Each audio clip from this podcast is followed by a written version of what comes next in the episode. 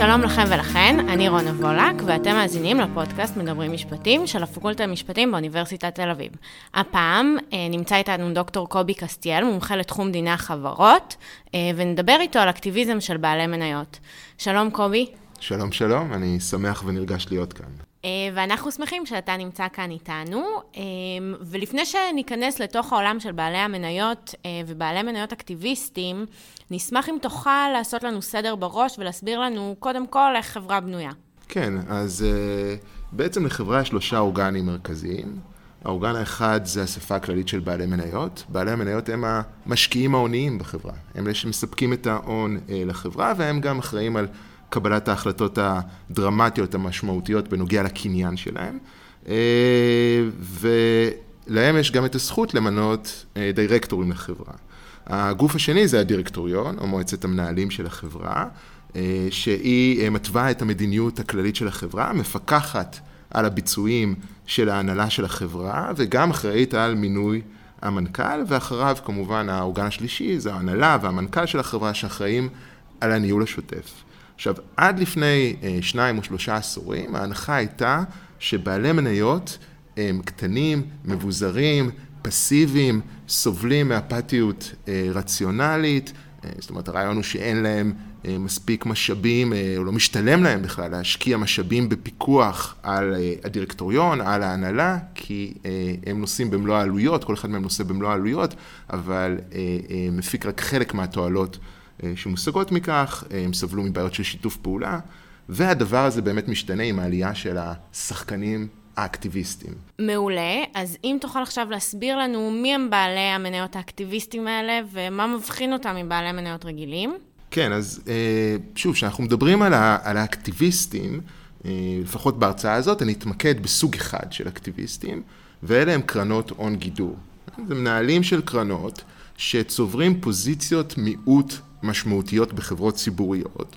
זאת אומרת, הם מחזיקים בין חמישה לעד עשרה אחוזים מהון המניות בחברה, זה אה, פוזיציה משמעותית, ומה שהם בעצם מנסים זה אה, לשפר פעילויות של חברות שהביצועים שלהם הם לא מספיק טובים, ועל ידי כך להציף ערך ולמכור את הפוזיציה שלהם ברווח. אה, כשמדברים על שיפור הפעילות, זה יכול להיות שיפור הפעילות הפיננסית שלהם, זה יכול להיות שינויים במבנה ההון של החברה, חלוקה של דיבידנדים, פיצול הפעילות של חברה, זה יכולה להיות השפעה על הממשל התאגידי של החברה, הפיתור של ההנהלה. וזו כל המטרה של קרנות הון הגידור? והמטרה שלהם בסופו של דבר היא להשיא את התשואה אה, למשקיעים שלהם, ולכן הם רוצים להציף ערך בחברה בזמן שהוא אה, יחסית קצר. זאת אומרת, משהו כמו שנתיים, שלוש שנים, אה, ולכן הם מזהים בעצם חברות אה, אה, שהביצועים שלהם הם חלשים, הם מתחילים להתערב אה, בחברות האלו.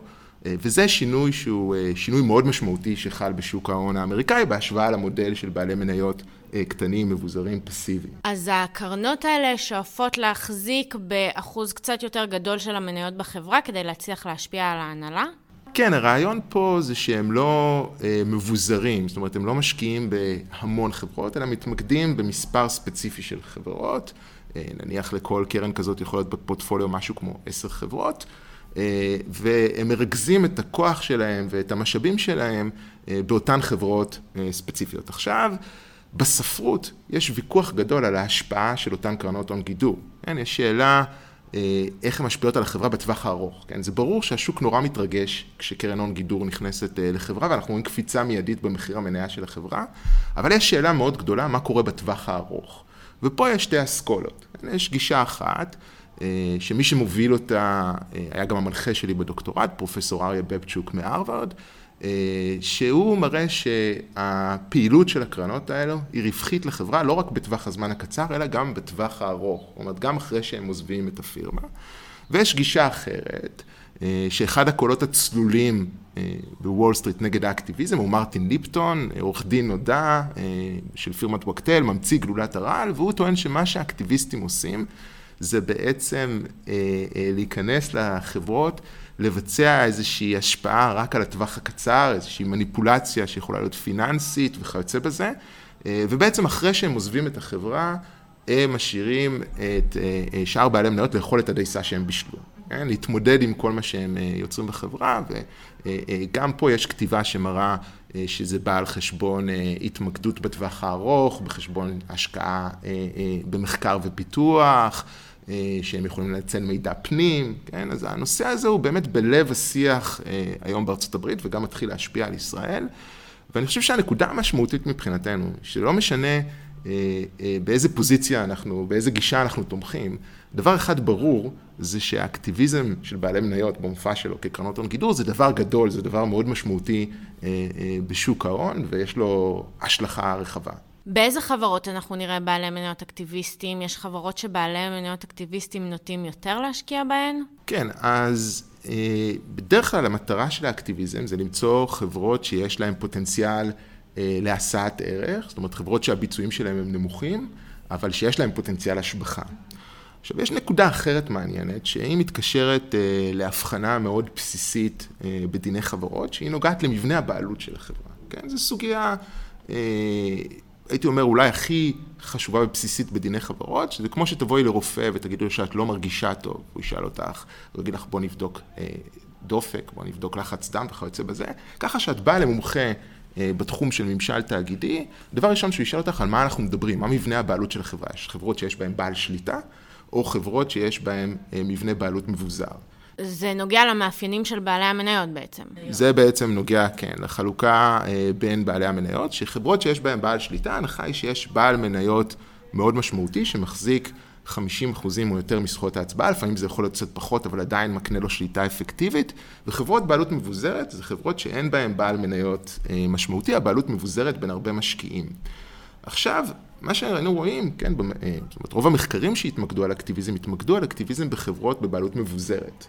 והשאלה בעצם שאני שאלתי את עצמי במחקר שהתחלתי לעבוד עליו, היא מה קורה בחברות שיש בהן בעל שליטה. זאת אומרת, אנחנו מבינים שיש איזו תופעה גדולה שקורית בשוק ההון, והשאלה מה קורה לחברות עם בעלי שליטה, האם גם החברות האלה אה, נתונות לכוח הממשטר של האקטיביזם, או שהן אה, חסינות אה, לגביו. בגלל שיש הנחה שבחברה שבה יש בעלי שליטה, שחקנים חיצוניים חדשים, כמו בעלי מניות אקטיביסטים, יכולים להשפיע פחות על ההנהלה? כן, הנחת המוצא אה, בספרות הייתה שאנחנו פשוט לא נראה אקטיביזם של בעלי מניות בחברות שיש בהן בעל שליטה, והסיבה לזה היא כפולה. צריך להבין שאקטיביזם, כן, אקטיביסטים, הם לא מתיימרים להחליף את כל הדירקטוריון בחברה, זה קורה במקרים מאוד נדירים, בדרך כלל מה שהם עושים, הם אה, צוברים איזושהי פוזיציית מיעוט ומנסים למנות שניים או שלושה דירקטורים מטעמם לחברה.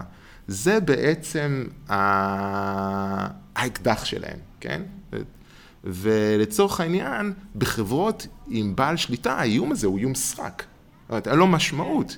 כי כשיש חברה שיש בה בעל שליטה, בהגדרה הוא זה שאחראי על מינוי הדירקטורים, ולכן לבעלי מניות אקטיביזם, אין, אין, אקטיביסטים, אין להם יכולת לאיים בזה שהם יחליפו דירקטורים מטעמם. עכשיו, בהרבה מאוד מקרים, אגב, האירועים האקטיביסטיים האלה מסתיימים בפשרה, אבל איום הרקע הזה, של למנות נציגים מטעמנו לדירקטוריון, הוא מה שמניע את הפשרות האלו. זה דבר אחד. הדבר השני זה שחלק מהמודל של האקטיביזם בנוי על זה שמובילים לשינוי החלטות בחברה, כן? שינוי החלטות שיציפו ערך. ושוב, כשיש בעל שליטה, היכולת להשפיע על מנגנון קבלת ההחלטות בחברה היא מוגבלת. ולכן זו הייתה הנחת המוצא, שאנחנו לא נראה אקטיביזם בחברות עם בעלי שליטה. וכשאני אה, ניגשתי לבצע את המחקר שלי, אני חושבת שזה יהיה תרגיל של אחר הצהריים, שבעצם אני אנסה לראות מה קורה בחברות עם בעלי שליטה, אבין שאין כלום, כי זה מה שהיה כתוב בספרות, ואמשיך הלאה למחקר הבא. אה, ובעצם כשאני מתחיל להסתכל על הנתונים, אני רואה שם שקורה משהו. אני רואה שיש פעילות גם של אקטיביסטים בחברות עם אה, בעלי שליטה, ובעצם ככה התחלתי להיכנס לנושא. ובמחקר שלך ניסית להבין איך הם פועלים בחברות מהסוג הזה? מה המנגנונים שמאפשרים להם לצבור כוח מול בעלי השליטה? באמת זו שאלה מעניינת איך האקטיביסטים מצליחים להתמודד עם אה, בעל השליטה, וכשאני מסתכל על הנתונים, אני מתחיל להרכיב כמה סיפורים, למצוא הסברים, אה, מספר הסברים פוטנציאליים לתופעה הזאת. אז דבר אחד, אני רואה שיש חברות מסוג מאוד מסוים, כן, שיש בהן אה, מבנה הון שפועל באופן הבא. כן, מבנה ההון הוא כזה שלבעל השליטה יש אפשרות תמיד למנות רוב מקרב הדירקטוריון, לא משנה מה אחוז ההחזקות ההוניות שלו בחברה, ולבעלי המניות מהציבור יש אפשרות למנות אה, נציגי מיעוט מטעמם לדירקטוריון. זה חברות שהיו נפוצות מכל מיני סיבות בשנות ה-70 וה-80 אה, בארצות הברית, הן עדיין קיימות, הנפקות גדולות בשנות ה-70 וה-80. ובעצם האקטיביסטים מזהים סוג מסוים של חברות האלו, והם אה, אה, בעצם מנצלים את האפשרות למנות נציג מיעוט לדירקטוריון, כדי אה, אה, לאיים בצורה הזאת על בעל השליטה. עכשיו, את יכולה לשאול, שאלה טובה, למה אה, נציג, מה יכולה להיות ההשפעה של נציג מיעוט בדירקטוריון? כן, בסופו של דבר, בעל השליטה הוא זה ששולט על המינוי של רוב חברי הדירקטוריון. אה, ומה יכולה להיות ההשפעה של נציג מיעוט כזה? אבל כעניין שבעובדה אנחנו רואים שלנציג מיעוט שכזה יש השפעה, כי אה, דירקטוריונים שנשלטים בידי בעל השליטה נראים כמו דירקטוריונים יותר חמימים, כן? יש שם אה, הרבה אנשי אמון של בעל השליטה, ופתאום מגיע מישהו שהוא אאוטסיידר לתוך הדירקטוריון הזה, הוא יכול לשאול את ההנהלה שאלות קשות, הוא יכול להיות עד עוין במקרים של ליטיגציה, הוא מביא איתו את ה power house, כן? את כל התשתית אה, המחקרית, האנליטית של הקרן האקטיביסטית שממנה אותו, יש לו יכולת אה, בגלל, כן? התמיכה של הקרן, יש לו יכולת לעבד אינפורמציה בזמן מאוד מהיר, לשאול שאלות קשות, להביא תוכניות חלופי, חלופיות. ולכן אנחנו רואים שלבעל מניות, אה, של אה, דירקטור כזה, גם אם הוא דירקטור מיעוט, יש לו השפעה, הוא לא דירקטור רגיל, במחקר אחר אני אה, קורא לדירקטורים האלה סופר דירקטורים. כן? הערוץ כוח השני שאני מזהה, זה סיטואציות שבהן לבעלי מניות מהציבור יש זכות וטו. כן, זה יכול להיות לקראת עסקאות מסוימות אה, שנעשות בניגוד עניינים, ואז יש איזה אה, אה, מנגנון שמאפשר להביא את ההחלטות האלה לאישור של בעלי מניות מהציבור. בארה"ב זה לא מנגנון שהוא חובה, אבל המערכת המשפטית מתמרצת את המהלך הזה, ומה שאנחנו רואים זה שהאקטיביסטים מזהים את הנקודה הזאת, ומנצלים את זכות הווטו שיש להם, כדי אה, בעצם לנהל משא ומתן עם בעל השליטה, ולהגדיל את הערך או את התמורה שמוצעת לבעלי מניות מהציבור אה, סביב אותן עסקאות. המנגנון השלישי, אה, ליטיגציה. כן, הם יכולים אה, להגיש תביעה נגד דירקטורים, אה, לאיים עליהם בליטיגציה שנוגעת להפרת חובות אמונים או דברים מהסוג הזה, אה, ושוב, ההליך המשפטי שמתנהל הוא אמצעי מיקוח. והמנגנון האחרון שעניין אותי היה שוק המוניטין. כן? פה המחשבה הייתה שגם בעסקאות כאלו, ופה הסתכלתי על על תת מקרים ספציפיים, שבהם אחד מערוצי הכוח שהזכרתי קודם לכן לא היו קיימים, לא היה אפשרות למנות, דירקטור אה, מיעוט, לא הייתה אפשרות אה, אה, לזכות וטו, ופה הרעיון הוא שבעלי שליטה הם, הם בני אדם וגם המוניטין שלהם חשוב להם. זאת אומרת, הם הולכים ל country club ומתראים עם אנשים אחרים וחשוב עליהם מה כותבים עליהם בעיתונים. וכשאקטיביסט בא לחברה ציבורית, הוא עושה הרבה מאוד רעש, זה חלק מהעניין. אה, למשל, אני נותן את הדוגמה של המקרה של קומקאסט, שהם מגיעים, חברת תקשורת, תאגיד תקשורת מאוד גדול, שהאקטיביסט מגיע, אה, הוא מתייחס לפעילות של בעל השליטה כקומקסטרופי, אה, ומדבר על עשור של ביצועים חלשים, ומדבר על זה שבעל השליטה מושך משכורות מאוד גבוהות, ודוחף את בעל השליטה לחלק דיבידנדים ולעשות כל מיני פעולות אחרות לטובת בעלי מניות, והדבר הזה מצליח באופן חלקי, למרות שיש פה בעל שליטה. אז הרעיון היה שגם אולי המוניטין יכול לשמש כאמצעי כזה, אבל מה שאני רואה מהנתונים זה שהמקום של המוניטין הוא יותר מוגבל. זאת אומרת, כדי אה, אה, שתהיה לו השפעה משמעותית, אנחנו צריכים לראות איזשהו מאבק פרוקסי, מאבק שהאקטיביסט מנסה לעשות איזשהו מהלך של למנות דירקטור מטעמו אה, לדירקטוריון, וכדי, זאת אומרת, זה הדבר שמושך את הפרסומים בעיתונים, אנחנו רוצים לראות דם, מאבק במובן הזה, וכדי שזה יקרה אנחנו צריכים איזה ערוץ, ערוץ כוח פורמלי. לכן אני רואה במוניטין יותר כאמצעי משלים ולא כאמצעי חלופי. זאת אומרת שהאירוע האקטיביסטי הוא לגמרי כנגד כל הסיכונים והסיכויים ורק מבוסס על מוניטין, ההסתברות שלו אה, להצלחה היא יותר נמוכה. הנקודה האחרונה שהייתי רוצה אה, לציין בהקשר הזה, זאת אומרת, המחקר שלי מתעסק בעיקר בארצות הברית. זאת אומרת, אספתי את הנתונים על חברות אמריקאיות, אבל אני חושב שיש לו השלכה מאוד חשובה גם על ישראל. וזה משתי סיבות. אחת, זה אה, שלאור חוק הריכוזיות, אנחנו רואים מעבר של הרבה יותר חברות ממבנה אה, אה, בעלות ריכוזי למודלים של ביניים, שבהם יש בעל מניות משמעותי, אבל לא בהכרח בעל שליטה, או למבנה בעלות מפוזר, ולכן אנחנו נראה יותר ויותר פעילות אקטיביסטית גם בישראל, וכבר ראינו ניצנים לכך, היו רואים אקטיביסטים בחברת מלאנוקס, שלאחרונה נמכרה עקב הפעילות האקטיביסטית, כן, זה האירוע... אה, שזכה לחשיפה רבה בישראל. אה, היה אירוע אקטיביסטי בחברת בזק, אה, מאוד משמעותי, שוב, של קרנות הון זרות, וזה קורה כי הקרנות האקטיביסטיות האמריקאיות, במובן מסוים, מתחילות למצא את בנק המטרות בארצות הברית, והן לוטשות עיניים החוצה ומסתכלות גם על מטרות במדינות אחרות, וישראל, או חלק מהחברות הציבוריות הגדולות בישראל, הופכות גם ליעדים כמו שראינו את זה. הנקודה השנייה היא שבישראל יש הגנות יחסית חזקות לבעלי מניות מהציבור. אה, למשל, אה, בעלי מניות מהציבור מאשרים המשך כהונה של אה, דירקטורים חיצוניים, יש להם כוח סביב אישור עסקאות בעלי עניין ועוד כהנה וכהנה הגנות. ואני חושב ששוב, כמו שהראיתי במחקר, לאותם ערוצי כוח תהיה משמעות, לאותם הגנות יש משמעות כערוצי כוח שיכולים לשמש את האקטיביסטים שוב, יש פה גם עניינים תרבותיים ושיטת משפט אה, אחרת, בייחוד עבור אקטיביסטים זרים, צריכים להתמודד עם כל הקשיים האלו, אבל אני חושב שזה אה, עדיין יכול להפוך את ישראל במידה כזו או אחרת למטרה אה, אטרקטיבית לאקטיביזם, שוב, בכפוף לגודל שוק וכיוצא בזה. אני מניחה שכמו באקדמיה, שהצליחו לזהות שם את התופעה של אקטיביזם, גם בתוך החברות עצמן זיהו את התופעה הזו. ורציתי לדעת איך הנהלות וחברות בכלל מתמודדות עם הדבר הזה. אז, אז זה נכון, אה, אה, יזמים של חברות ציבוריות שמחליטים להנפיק את החברות שלהם מאוד מוטרדים אה, מהנושא של אקטיביזם של בעלי מניות. זאת אומרת, אני חושב שזה חלום בלהות של כל מנהל בחברה ציבורית, שהוא מקבל טלפון פתאום מבעל מניות שאומר לו שלום, אני, אני האקטיביסט החדש בחברה שלך, אני צברתי אחוז כזה וכזה מהמניות, לפעמים הדבר הזה נעשה בשקט, כי הם יכולים לצבור לפחות עד חמישה אחוזים מבלי לדווח על כך, ואז מתקשר אותו בן אדם ובא ברשימת תנאים להנהלה, זה תרחיש מבחינתם יום הדין שהם מתכוננים אליו, אגב, מראש.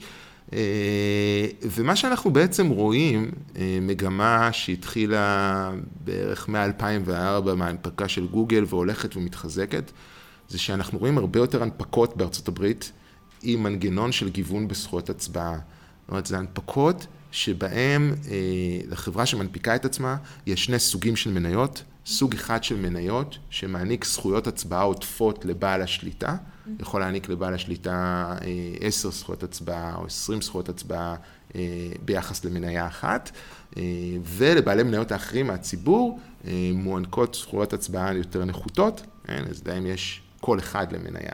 ומה שהדבר הזה בעצם עושה, הוא מאפשר לבעלי, ליזמים שמנפיקים את החברות שלהם, להמשיך לשלוט בחברה.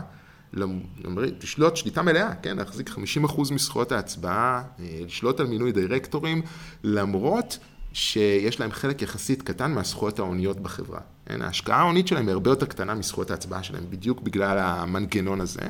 ואחד ה, אה, אה, ואחת המטרות של אותו מנגנון הוא בעצם להעניק לאותם אה, בעלי מניות, לאותם יזמים, סליחה, שמנפיקים את החברה, להעניק להם איזושהי חסינות מלחצים של השוק.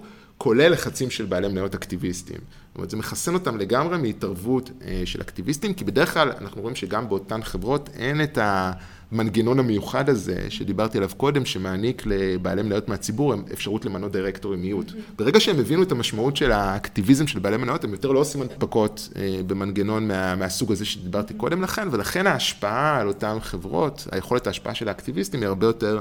אה, מצומצמת, ואם ב-2004 רק אחוז אחד מבין החברות שהונפקו לציבור היה להם את המנגנון הזה, היום אנחנו מדברים כבר על אזור ה-20 אחוזים מבין החברות אה, הציבוריות שיש להם את המנגנון הזה, המנגנון שצובר מאוד תאוצה. והמנגנון הזה שמביא לכך שליזמים של החברה יש יותר כוח הצבעה, אבל מעט מניות, יכול ליצור עיוותים בתוך החברה עצמה, זה נשמע כאילו יש כאן הפרה של האיזון בהחזקת המניות. כן, אז הרעיון המקובל, אה, ושוב, יש מחקרים האלה, יש אה, הרבה מאוד כתיבה על הנושא הזה, שהמנגנון הזה מייצר עיוותים, כי בעצם מה שקורה זה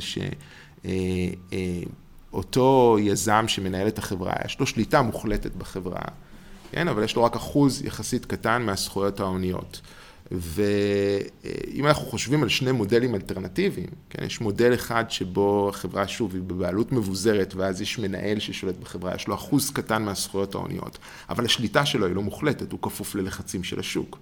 ויש מודל אחר של חברה שיש בה בעל שליטה, לבעל השליטה הזה, כן, יש חסינות מכוחות השוק מתוקף היותו בעל שליטה, אבל יש לו אחוז החזקות יחסית גבוה בחברה, וזה נותן לו את התמריצים ההוניים אה, לנהל את החברה או להפנים חלק מהפעילויות שלו, כן?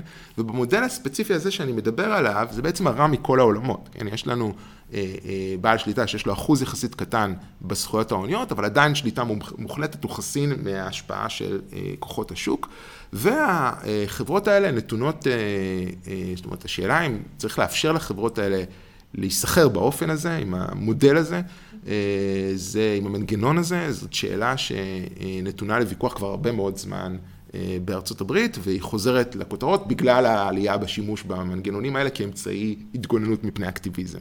אבל בכל זאת, אנחנו כן רוצים לאפשר איזשהו כלי התגוננות מפני האקטיביזם של בעלי המניות. אז מה אפשר לעשות עם התופעה הזו? אז באמת אלה שבעצם תומכים בשימוש אה, במנגנונים של גיוון בזכויות הצבעה, יש להם אה, מספר טיעונים מרכזיים. אחד מהם זה שכשאנחנו משקיעים בחברות מסוימות, אנחנו לפעמים משקיעים בחברות משקיעים ביזם הדומיננטי שעומד בראש החברה, למשל שאנחנו משקיעים בפייסבוק, אנחנו בעצם שמים את הז'יטונים שלנו על מרק צוקרברג, והיינו רוצים לתת לו לנהל את החברה מבלי שהוא יהיה כפוף ללחצים של השוק, כן? מבלי שהוא יהיה כפוף למרוץ לרבעון, לצורך לעמוד בתחזיות של החברה, אלא לתת לו אפשרות לתכנן את הפעילות של החברה לטווח קצת יותר ארוך, זה גם יזם אה, מאוד מוכשר שהביא את החברה לאן שהיא הגיעה, ואנחנו רוצים לתת לו את המושכות לנהל את החברה בלי התערבות שוטפת מצדם של בעלי מניות האקטיביסטים. זה אה, בעצם הוויכוח. Mm-hmm. ומה שאנחנו טוענים זה שצריך לזנוח את החלוקה הבינארית הזאת בין אה, לאפשר שימוש אה, בגיוון בזכויות הצבעה או לאסור אותו לחלוטין, אלא לחשוב על אה, מודל אחר שמסתכל מה קורה לחברות האלו שיש להם את המנגנון לגיוון בזכויות הצבעה לאורך זמן. ובפרויקט משותף שכתבתי עם פרופסור אריה בבצ'וק מאוניברסיטת הרווארד, פרויקט שזכה להרבה מאוד התייחסות בשוק ולמאמרים שהגיבו לנושא, אנחנו בעצם אומרים אה, שצריך להסתכל מה קורה לחברות האלו בממד הזמן. ולכן גם יש אנשים שחושבים אה, שיש איזושהי הצדקה לתת אה, חסינות מסוימת למרק צוקרברג מהלחצים של השוק בשנים הראשונות שלאחר ההנפקה, דרך שימוש במנגנון של גיוון בזכויות הצבעה. ההצדקות האלה הולכות ופוחתות עם הזמן. הן הולכות ופוחתות עם הזמן, כי לאורך זמן אה, היזם הוא לא בהכרח הדמות המתאימה, אותו יזם הוא לא בהכרח הדמות המתאימה לנהל את החברה, הסביבה העסקית אה, הולכת ומשתנה, התמריצים של היזם יכולים להשתנות לאורך זמן, זאת אומרת הוא יכול יותר להתעניין בפילנטרופיה, אולי בפוליטיקה ופחות בלנהל את החברה שלו, אה, וגם היכולות האישיות, הקוגניטיביות הולכות ופוחתות לאורך השנים. ואז אחר אנחנו אומרים, אה, אה, מצד אחד לאורך זמן קורים דברים מאוד בעייתיים. דבר אחר אגב שקורה לאורך זמן זה שאותו יזם בדרך כלל מוכר מניות כדי להוריד את הסיכון האידיוסינקרטי שלו, כן, כדי לבזר קצת את ההשקעות שלו, כי הוא כל כולו מושקע באותה חברה. אז גם האינטרסים ההוניים שלו הולכים וקטנים לאורך זמן, שזה גם דבר בעייתי שדיברתי עליו קודם ומוביל לעיוותי תמריצים. אז אנחנו רואים שלאורך זמן החברות האלה הופכות להיות פחות ופחות אה, אפקטיביות, ומצד שני, התמריצים של אותו יזם אה, לשמור על המבנה הזה, לשמור על המבנה שמבצר את השליטה שלו, הולכים ועולים עם הזמן. בגלל זה החברות האלה הן לא נעלמות, כן? התמריצים שלהם להיעלם, זה, זה בעצם, זאת בעצם הבעיה המרכזית שאנחנו אה, מצביעים עליה במאמר. ואם אנחנו מקבלים את האנליזה הזאת? מה שאנחנו מציעים זה בעצם לאמץ תניית sunset, תניית שקיעה, כן? שתעלים את המבנה הזה של גיוון בזכויות הצבעה, שתעלים אותו באופן אוטומטי אחרי עשר שנים. אלא אם כן, בעלי מניות חושבים שזה דבר נכון, אה, לאפשר אה, למרק צוקר, צוקרברג נניח, להמשיך לשלוט בפייסבוק לעוד תקופה מסוימת, שנגיד עוד 10 ו-15 שנים, ולכן מביאים את העניין הזה להצבעה שלהם, אנחנו מציעים להביא את זה לעניין, להצבעה של בעלי מניות שהם לא אה, קשורים לבעל השליטה, והם יכולים להחליט אם הם רוצים להאריך את השליטה שלו לתקופה נוספת. זאת אומרת שהמנגנון הזה נעלם מעצמו, או עולה לדיון מחדש? או עולה לדיון מחדש בהצבעה של בעלי מניות שהם לא קשורים אה, לבעל השליטה, ובעצם אחרי שאנחנו אה, כותבים את המאמר הזה, אה, היו עוד שורה של מחקרים אמפיריים שבוחנים את אה, ההנחות התיאורטיות שלנו במאמר ובאמת מראים שלאורך זמן התועלות אה, של חברות שיש בהן מנגנון בגיוון בזכויות הצבעה פוחתות. ואפשר להבין את זה גם בצורה אינטואיטיבית. זאת אומרת, מרק צוקרברג הוא בן אדם גאון, אין על זה עוררין, כן? והוא בגיל 27 היה שווה 27 ביליון דולר. אבל אנחנו רואים שכבר עכשיו היו לו בעיות בהתמודדות עם פייסבוק, סביב קיימברידג' אנליטיקה, סביב דברים אחרים, ולבעלי מניות לא היה שום אפשרות להשפיע על מה שקורה, כן? הוא מבוצר לחלוטין. עכשיו תדמיינו מה יקרה עוד עשר שנים, מה יקרה עוד עשרים שנה, מה יקרה עוד שלושים שנה, האם הוא תמיד יהיה אותו בן אדם שמתאים uh, להוביל את החברה? זאת, ה, זאת השאלה ה, המשמעותית, ולכן uh, uh, תניות של סאנסט, כן? אותן תניות נועדו להתמודד עם הסיטואציה הזאת. דוקטור קובי קסטיאל, תודה רבה. תודה לכם. זה היה פרק נוסף בפודקאסט מדברים משפטים של אוניברסיטת תל אביב. תודה שהאזנתם והאזנתן. נשתמע בפודקאסט הבא.